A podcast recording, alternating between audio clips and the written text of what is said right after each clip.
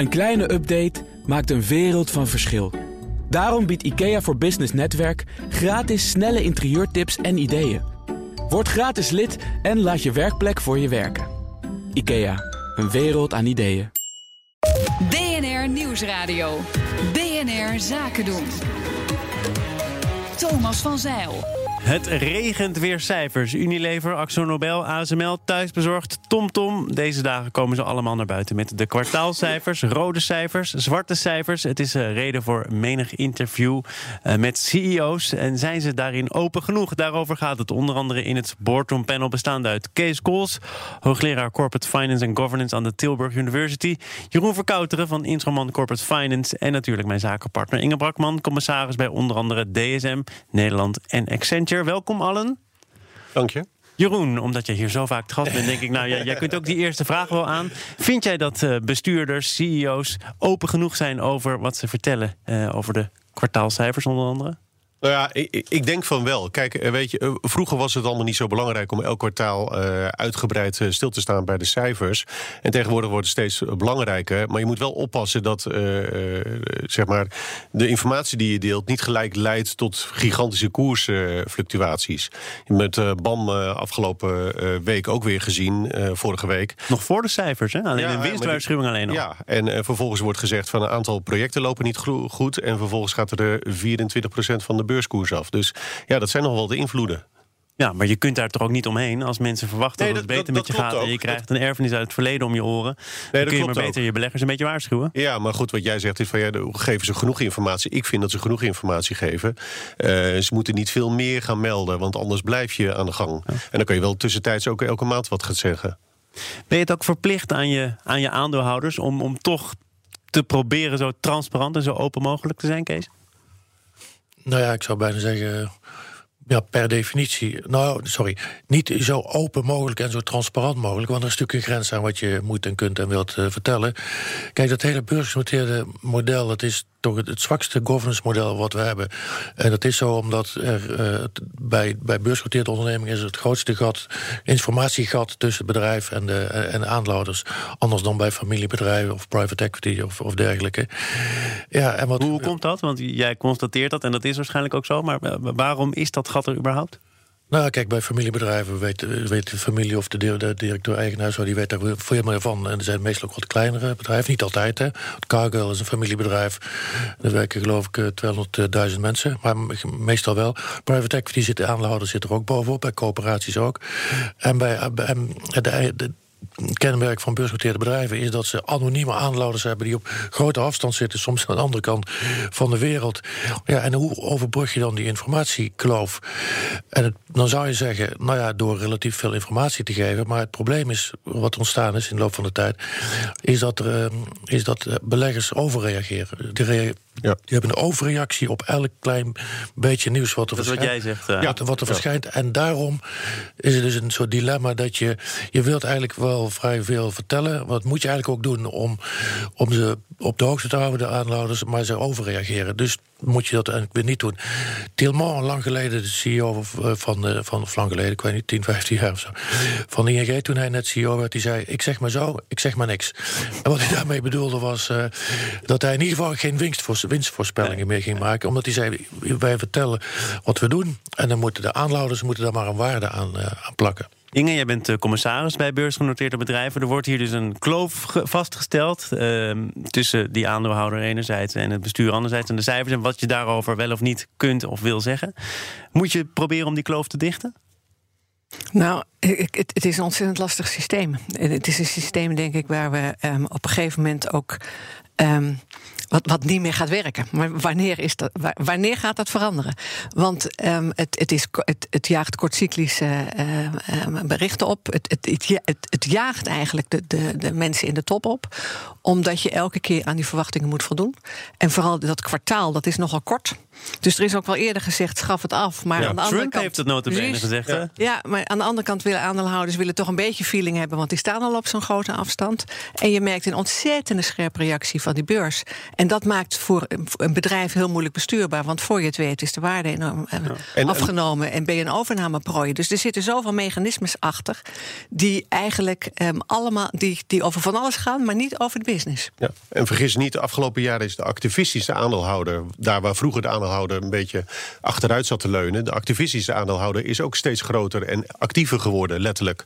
Dus dat betekent ook, die, die pushen ook eh, eh, de raad van bestuur...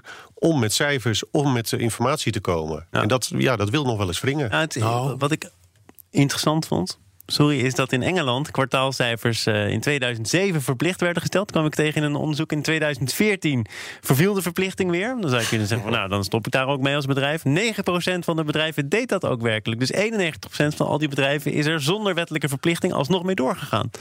Wat zegt dat? Ja, dat, mm, ja, wat ik net nog even wilde zeggen is dat die private equity, eh, sorry, activistische Ja. aanhouders, Ja, partij, maar ja, die, die zijn niet afhankelijk van de kwartaalberichten. hè. Die doen een diepe, diepgaande analyses en de- die zullen niet vanwege een kwartaalbericht opeens in actie komen. Maar, eh, nou, kijk, het is ook, het is niet, je moet wel, het is wat je zelf ook wilt. Eh, je bepaalt uiteindelijk zelf wat je vertelt en waarmee je naar buiten komt. Goed, als het verplicht is per kwartaal, dan moet je, dan, moet je wel. Maar ook toen het nog onverplicht was, toen gebeurde het ook. En wat je vooral moet doen, is een reputatie opbouwen. Ja, dus een reputatie opbouwen van betrouwbaar zijn eh, en niet, eh, eh, niet overdrijven. In, met name Amerikaanse bedrijven hebben enorm, en ik heb het meegemaakt van binnenuit, enorm de neiging, niet alleen de neiging, om elke keer aan het eind van een kwartaal nog eventjes maximaal de cijfers op te poetsen. Dat is, nou ja, de beleggers die merken dat op een gegeven moment, die houden daar rekening mee. En die disconteren dat, verdisconteren dat. Maar probeer dan maar eens het verschil te maken tussen zeg maar, de goede en de slechte. Degene die proberen het onderste uit de kant te halen en een beetje cijfers manipuleren. En de andere die gewoon echt proberen te zeggen. Zoals, dus je moet proberen eh, zo goed mogelijk een lange termijn reputatie op, op te bouwen van, van betrouwbaar. eh, en gewoon zeggen, ze- eerlijk zeggen zoals het is. Of je zegt niks. Wij hebben geprobeerd uiteraard ook de topman van ASML te spreken over die kwartaalcijfers. eh, in dit programma en eh, al in de ochtendspits van BNR op de dag dat ze kwamen. En Peter Wenning, zegt dan, eh, wij doen het commentaar bij de jaarcijfers. Die kwartaalcijfers brengen we naar buiten, maar de toelichting... Die laten wij achterwege. Dat komt dan bij de jaarcijfers wel. Inge, begrijp jij dat? Nou, dit, dit is, het is spannend, ik begrijp het wel. En ik denk eerlijk gezegd, misschien is dit het openbare commentaar. Maar ik kan me wel voorstellen dat hij toch wel een roadshow houdt langs de aandeelhouders. Dat hij tussendoor ook nog wel de dingen vertelt. Ja. Die, die ook een toelichting geeft op die cijfers. Maar dat hij zegt, ik ga niet meedoen aan dat, aan dat heigerige. Probeer dat eruit te halen. Ja, als meer bedrijven het doen, dan kun je het misschien iets rustiger krijgen. Maar de, de drang van de aandeelhouders is nogal groot op het moment. Ja, nou, want de, de, de CEO van BAM, op de dag dat dat slechte nieuws naar buiten kwam, die heeft ons hier een kwartier te woord gestaan. Waarvan ik zou zeggen, nou, heel fijn dat je het doet. Maar of dat nou per se beter was voor de reputatie van zijn bedrijf, Jeroen, ja, dat is vraag 2. Ja, dat is vraag twee. Absoluut. Ja, kijk, als er echt iets aan de hand is, zeker met zoiets, ja, dan moet je natuurlijk toelichting opgeven. Dat Peter Wenning, eh, de baas van CEO van eh, ASML, daar niet op reageert, dat snap ik wel. Want ja, ze hebben natuurlijk een standaard, ze hebben een standaard kanaal, een standaard moment. En natuurlijk hebben ze ook regelmatig eh, calls en sessies met analisten eh, enzovoort. Eh, ja, en dat, je, en dat je dan vervolgens niet als een, een krant of een, of een radio of een tv belt, daar dan op ingaat. Ja, dat snap ik wel. Want Ik zou zeggen, de krant laat je lekker zitten, maar de radio kies je dan toch wel voor. Moet je wel even inlichten. Ja, daar Nou, dat is, het is, ik, is wil met jullie naar een, eh, naar een andere topman die we wel te spreken kregen. Eh, sp- ja, dat is de topman van eh, Harold, eh, van TomTom, Harold Gordijn. Eh, Bas van Werven sprak hem in de ochtendspits en hij zei dit. Maakt u dan winst of maakt u verlies? Als wij, ehm, als je naar, winst is natuurlijk altijd een beetje een opinie. En eh, hangt erg af van, eh, van eh, wat er, wat er gebeurt. Ja. en van boekhoudkundige regels. Ja. Boekhoudkundige regels, Kees Kools, daar zijn we weer. Winst is een opinie, winst is een mening. Eh, heeft eh, meneer Gordijn daar gelijk in? Ja, absoluut. Nee, absoluut. Je kunt, je kunt eh, echt zelfs nog ruimschoots binnen de grenzen van de, van de wet en van de boekhoudregels. een beetje afhankelijk van, het soort, het soort, van de sector waarin je zit, het soort bedrijf wat je hebt. kun je enorm met die, met die, met die cijfers spelen. Kun je, vroeger, of nog eigenlijk steeds, is dat ook een, een, een doelstelling of een klassieke manier om met de cijfers om te gaan, zogenaamde profit smoothing. Dat je probeert om in de, de winstcijfers niet al te grote schommelingen te laten zien. Ja, door die ruimte die er is te gebruiken. En dat kan, dat kan om tientallen, zeker als het om de winst gaat. Omzet natuurlijk wat minder, maar zeker als het om de winst gaat, kan dat uh, tientallen. En daar is ook zijn. niet echt iets mis mee. Want je zei net, uh, de, de, traditie is om uh, aan het einde van het kwartaal wat op te poetsen. Wat te proberen beter voor te spiegelen dan het misschien is. Um, nou, ik zei dat Amerikaanse bedrijven. Ja, precies, die, Amerikaanse die, die, bedrijven doen dat. Maar goed, je zegt hier dus ook: winst is een, is een mening, een opinie. Dat onderschrijf jij. Is daar iets mis mee of niet? Ja, natuurlijk. Want je wilt. Uh, het, is, het is op een aantal punten wel te begrijpen uh, dat, het, dat, er, dat de regels niet zo strak zijn dat, je, dat er nauwelijks speelruimte is. Uh, dat is nog wel te begrijpen, maar het is wel jammer dat het zo is natuurlijk. Want het liefst dat je. Het is, inderdaad, winst is een opinie en cash is een, cash is, een feit. dat is dan een beetje de tegenstelling. Ja. ja. je zou natuurlijk willen dat het niet zo was en dat, er gewoon een, dat je net zoals de temperatuur gewoon heel precies kunt meten. Dat betekent dat, dat je de regels strikter moet hanteren of de mogelijkheden moet beperken. Ja, maar dat is dus wel, dat is soms wel heel, heel, heel lastig. Uh, ja, en het is natuurlijk net zo met, met altijd zo, met alles zo, dat als je wilt uh, en, je, en uh, als je van die ruimte gebruik wilt maken en je, en je zoekt de rand op, ja, dan is, dan is de ruimte heel groot. Wat hebben kwartaalcijfers nog voor zin, Inge? Als we weg kunnen komen met uh, winst is een mening, winst is een keuze. Wat lees je daar dan eigenlijk nog in? Het is cash that pays the bills. Dat is het, hè, natuurlijk. Maar je krijgt natuurlijk niet alleen de winstcijfers. Het zijn wel de winstcijfers. Soms is het makkelijk om dat in de berichtgeving te laten zien. Maar je krijgt natuurlijk de omzetcijfers. Je krijgt ook vaak het cash statements. Dus je krijgt veel meer informatie en je moet die combinatie van uh, informatie gebruiken. Dat doen analisten ook, om daar hun opinie op te vormen. Dus als je echt wil, dan kom je zelf echt wel tot het. Uh, ja, je, kon, je, je, je haalt, je haalt het, het, het, het, is juist niet zo dat je alleen maar de winstcijfers krijgt en op basis daarvan dat ook die beurs reageert. Je krijgt natuurlijk veel meer gegevens bij de kwartaalcijfers ja. en bij de jaarcijfers. Ja, dat sowieso. Maar eh, we, gaan, we hebben het hier over het winstbegrip natuurlijk. Hè. En dat is aan allerlei definities uh, onderhevig. Maar wat je veel ziet bij bedrijven is dat ze vergelijkende cijfers doen. Dus als je het winstbegrip maar gelijk houdt. En dat vergelijkt met uh, kwartaal daarvoor, twee kwartalen daarvoor, het jaar daarvoor. dan kan je daar wel wat uit aflezen. Maar als je elke keer een ander winstbegrip gebruikt. of een winstbegrip gebruikt wat een ander bedrijf weer op een andere manier invult. ja, dan is appels met peren vergelijken. Nee, maar dit, ook al hanteer je dezelfde uh, waarderingsgrondslagen, zoals die netjes achter ja. het jaarverslag staan. Nou ja, hoeven de veel voorbeelden niet te noemen van Imtech en Ahold. En, en, je doet het toch? En, nee, maar ten, ten overvloede. Nee, maar dat is ook bijvoorbeeld wat je hebt inderdaad met omzet. Ja, eh, die, omzet naar voren halen, dat is heel makkelijk. Nee, maar die hadden hetzelfde zogenaamde winstbegrip. Maar dan worden er spelletjes gespeeld. Op, het punt is, op het moment dat je spelletjes wilt spelen dan is, die ruimte er. dan is die ruimte er. En dan... Er is niet een duidelijk uh, bepaald winstbegrip... dat we met z'n allen één definitie hebben en zeggen... nou, dat is winst. Dat is gewoon niet. Alleen al bijvoorbeeld, we hebben de Amerikaanse regels en de Europese regels. Nou, dat verschilt gemiddeld zo'n 30, 40 procent. Nou, welk van de twee is het echte getal? Nou, nobody knows. BNR Nieuwsradio. BNR Zaken doen. Het boardroom panel is te gast en dat bestaat uit Kees Kools, hoogleraar Corporate Finance en Governance aan de Tilburg University, Jeroen Verkouteren van Informan Corporate Finance en mijn zakenpartner Inge Brakman, commissaris bij onder andere DSM, Nederland en Accenture. Wij gaan praten over thema's als immigratie, feminisme, Plastic in de oceaan, dat zijn thema's die steeds vaker ook voorbij komen in reclames. Nike stunten met de controversiële voetbalspeler Colin Kaepernick in hun commercial. Supermarktketen Plus heeft een reclame met een Nederlandse en een Syrische jongen die uh, met elkaar samen aan de dis zitten voor het avondeten.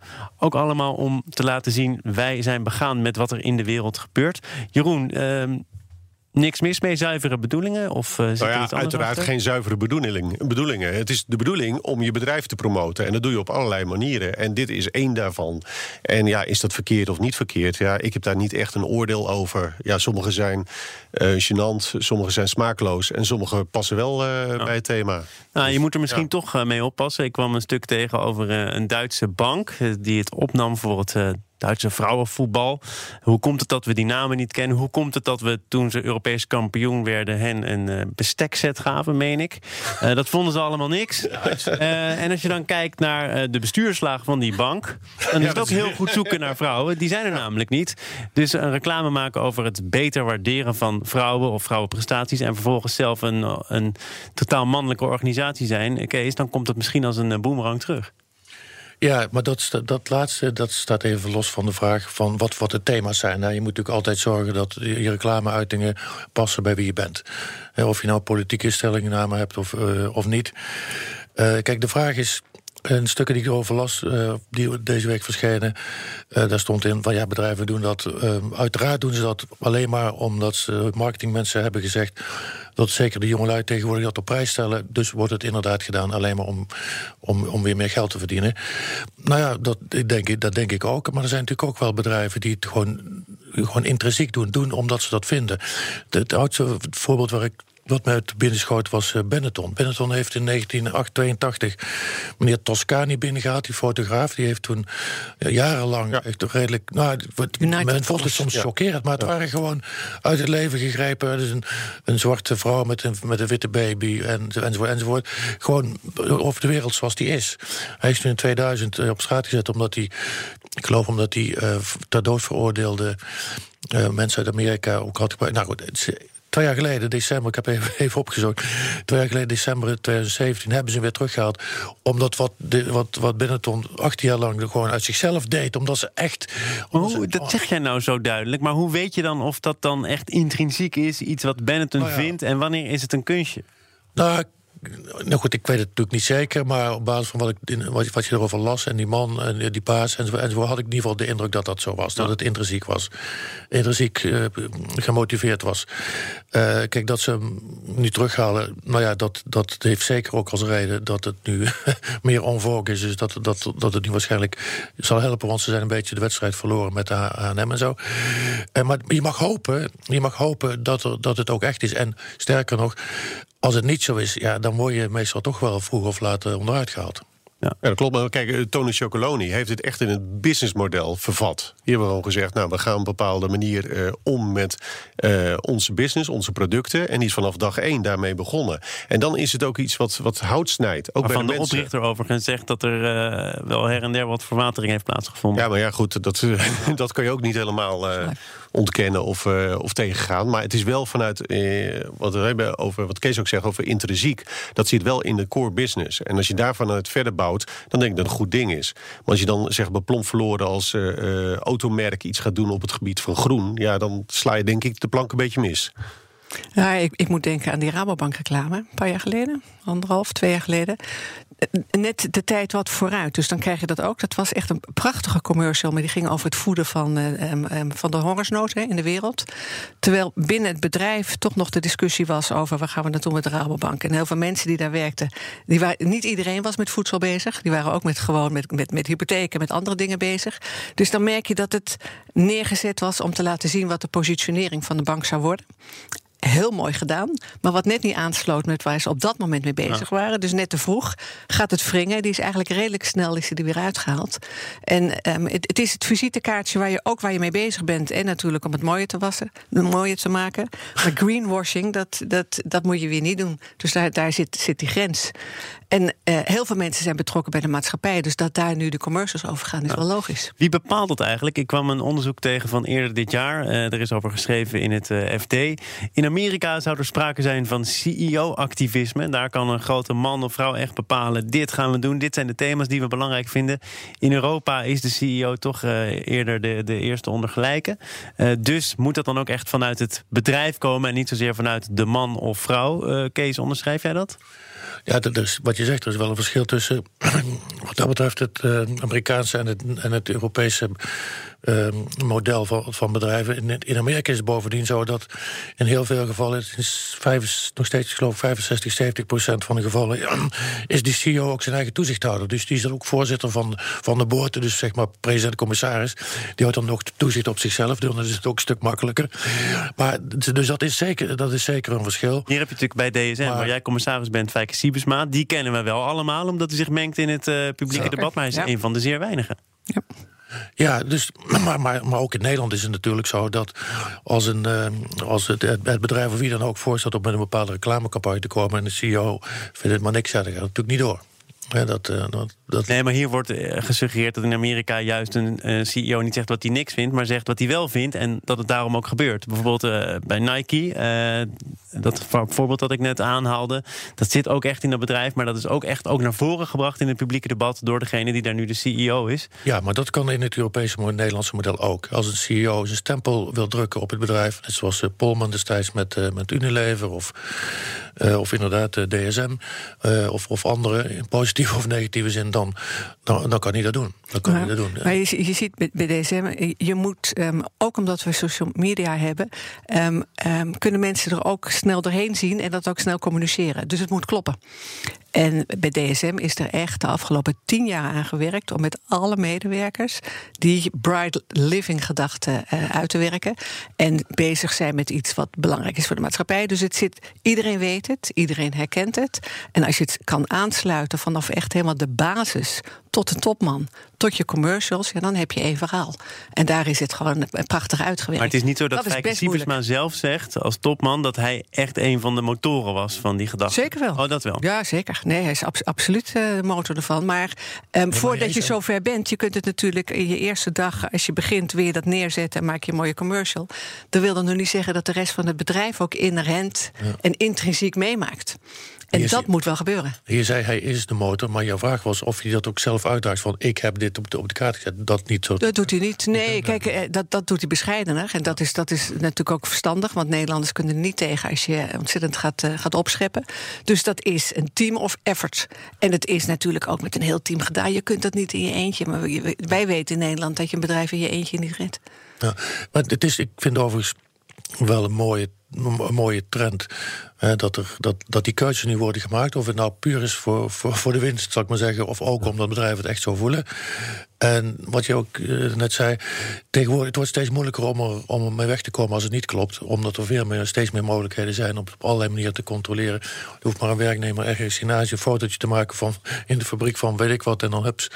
Ja. Uh, dan ben, ga je al niet meer duidelijk. Het kan ook uh, misgaan, hè? Ik bedoel, we hebben het uh, eerder in dit programma deze week nog gehad over de, de commercial van New York Pizza. Hebben jullie die gemist? Die heb ik gemist, ja. Oké, okay, nou, dat is een mevrouw met, uh, die uh, voor haar borsten bloemkolen houdt.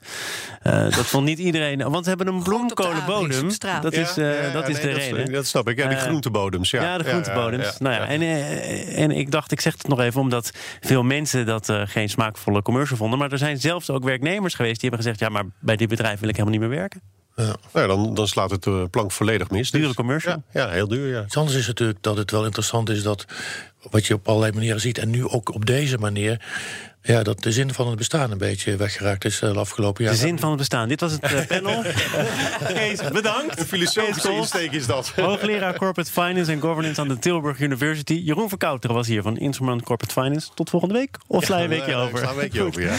en mijn zakenpartner was Inge Brakman, commissaris bij onder andere DSM Nederland en Accenture. Het inrichten van je eigen zaak is best wel wat werk. Daarom biedt IKEA voor Business Netwerk 50% korting op interieuradvies. Word gratis lid en laat je werkplek voor je werken. IKEA, een wereld aan ideeën.